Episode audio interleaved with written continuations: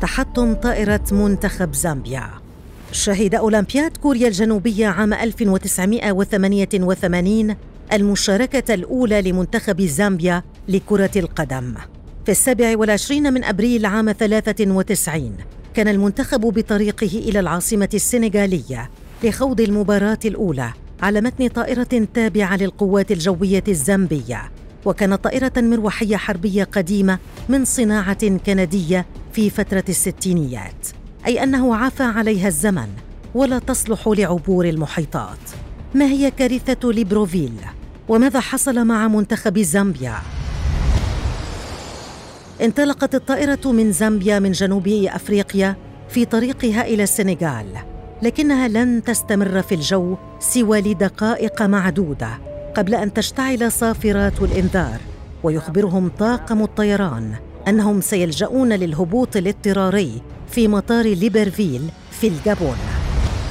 بعد إقلاع الطائرة من مطار ليبرفيل التهم الحريق أحد محركات الطائرة وكان الطيار منهكا من رحلة اليوم السابق ما جعله لا يحسن اتخاذ القرار عند وقوع الحادثة بحيث أقفل المحرك بالخطأ ما جعل الطائرة تقع في مياه بحر المحيط الأطلسي على بعد 500 متر عن شاطئ ليبرفيل.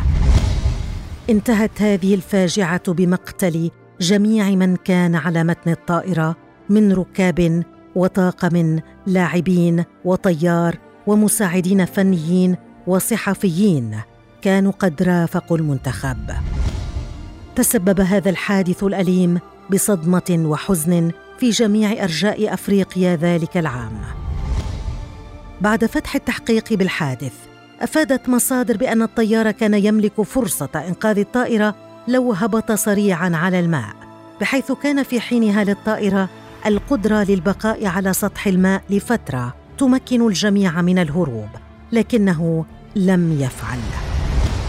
كان من بين الضحايا لاعبين لناد سعودي ديربي ماكانكا وكليفن مالازا وقد شكل خبر وفاة النجمين المتألقين صدمة في الأوساط السعودية. نجا شخص وحيد وسمي بالأسطورة الناجية.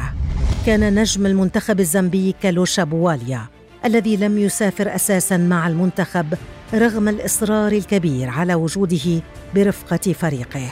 بعد الحادث المؤسف وبعد إعلان الاتحاد الزامبي الانسحاب قرر بواليا تشكيل فريق جديد وخوض المباريات احتراما وانحناء لأرواح ضحايا المنتخب الزامبي الذين قضوا بهذه الكارثة الأليمة.